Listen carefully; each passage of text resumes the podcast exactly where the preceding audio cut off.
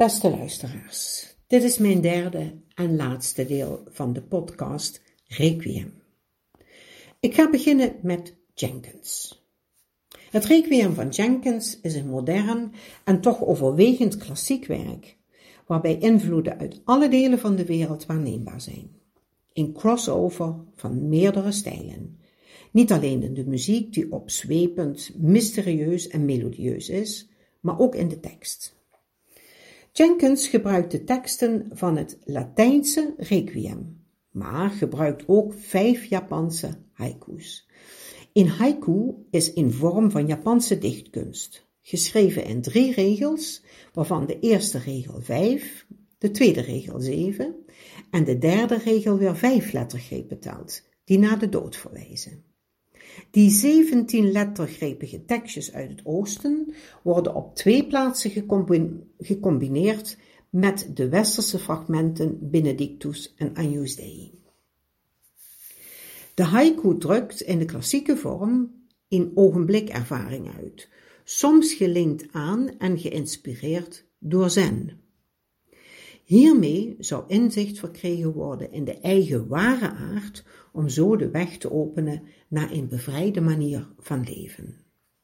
De mannenstemmen zingen in het Latijn en de vrouwen zingen in het Japans.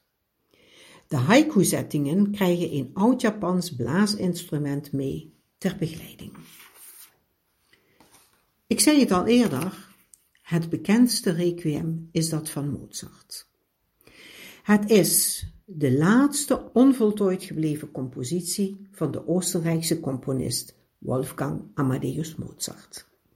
Slechts één onderdeel van Mozarts compositieproject van de toonzetting van de teksten werd door hem voltooid. Van het aansluitende Kyrie, een fuga, werden alleen de vocale partijen en basso continuo partij volledig door hem uitgeschreven, de orkestpartijen niet.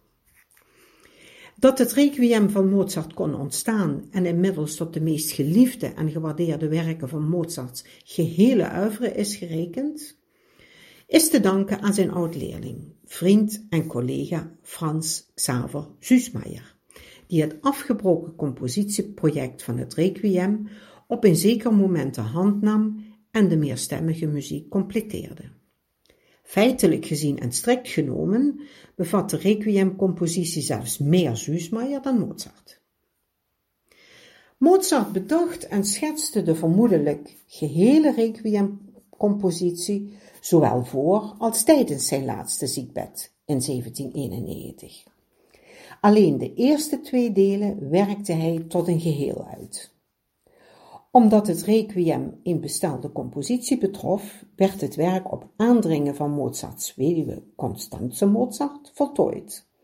Het moest voltooid worden in eerste instantie door Jozef Eibler, die zich hiertoe niet in staat achtte, maar later door Frans Xaver Süssmayer, beide vrienden en collega's van Mozart.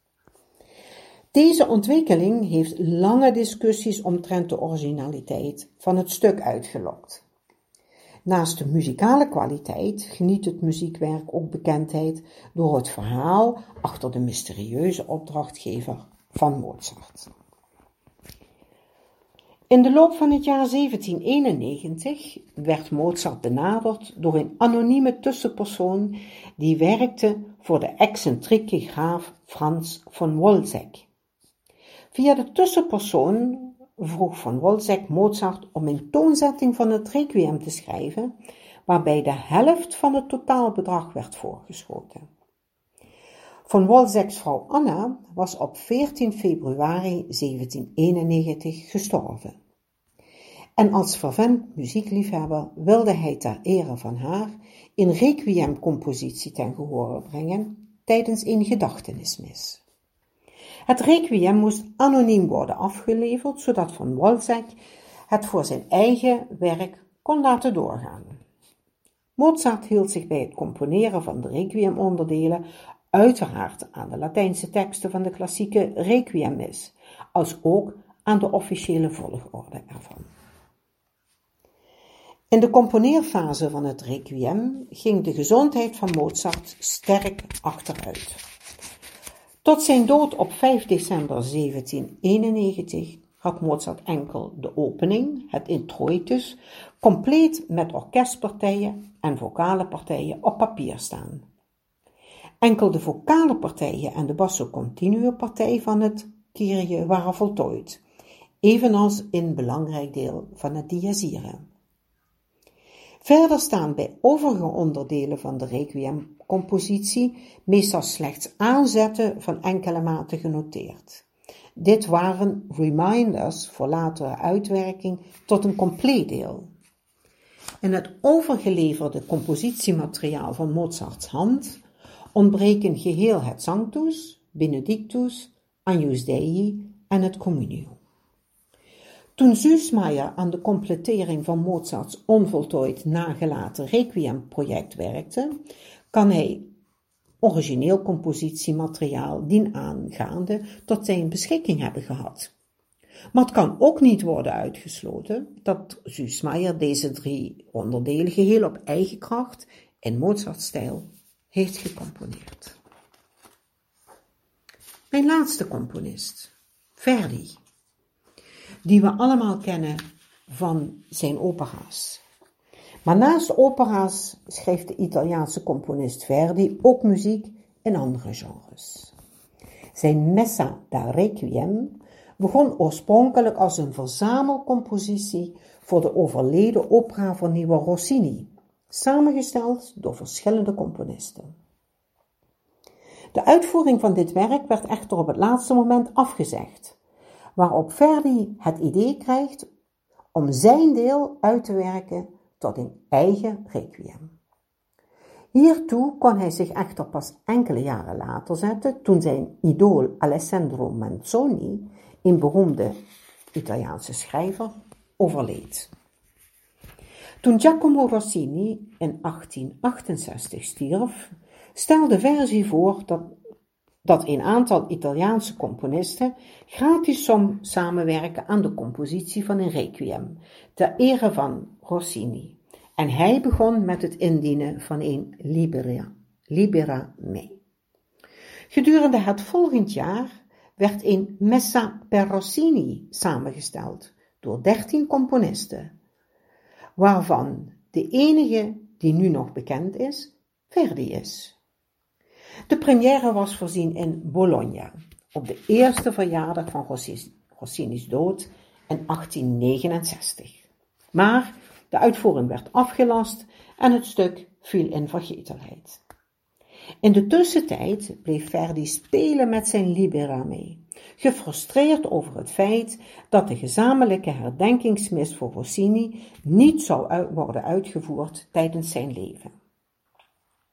In mei 1873 stierf de Italiaanse schrijver en humanist Alessandro Manzoni, die Verdi gedurende zijn hele volwassen leven had bewonderd en wie hij in 1868 had ontmoet. Vooral in Manzoni's roman I Promessi Sposi, wat de verloofde betekent, maakte een onuitwisbare indruk op hem. Hij schreef over hem ik zou voor hem willen knielen als het toegestaan was mensen te vereren. Manzoni viel in 1873 op 88-jarige leeftijd van de trap bij een kerk en stierf een aantal maanden later aan de gevolgen daarvan. Zoals Verdi verklaarde, was hij zo ontroostbaar dat hij zich niet in staat achtte Manzoni's begrafenis bij te wonen.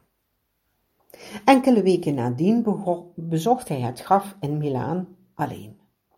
Daarna liet hij het gemeentebestuur van Milaan weten dat hij ter nagedachtenis aan Manzoni een requiem wilde componeren. Op dat moment was Verdi 60 jaar oud en op het toppunt van zijn kunnen. Hij had net zijn opera Aida voltooid, Othello en Falstaff lagen nog voor hem. De verwachtingen waren direct zeer hoog en het Milanese gemeentebestuur gaf toestemming voor de uitvoering van het werk onder de voorwaarde dat de première in Milaan moest plaatsvinden op de eerste verjaardag van Manzoni's dood.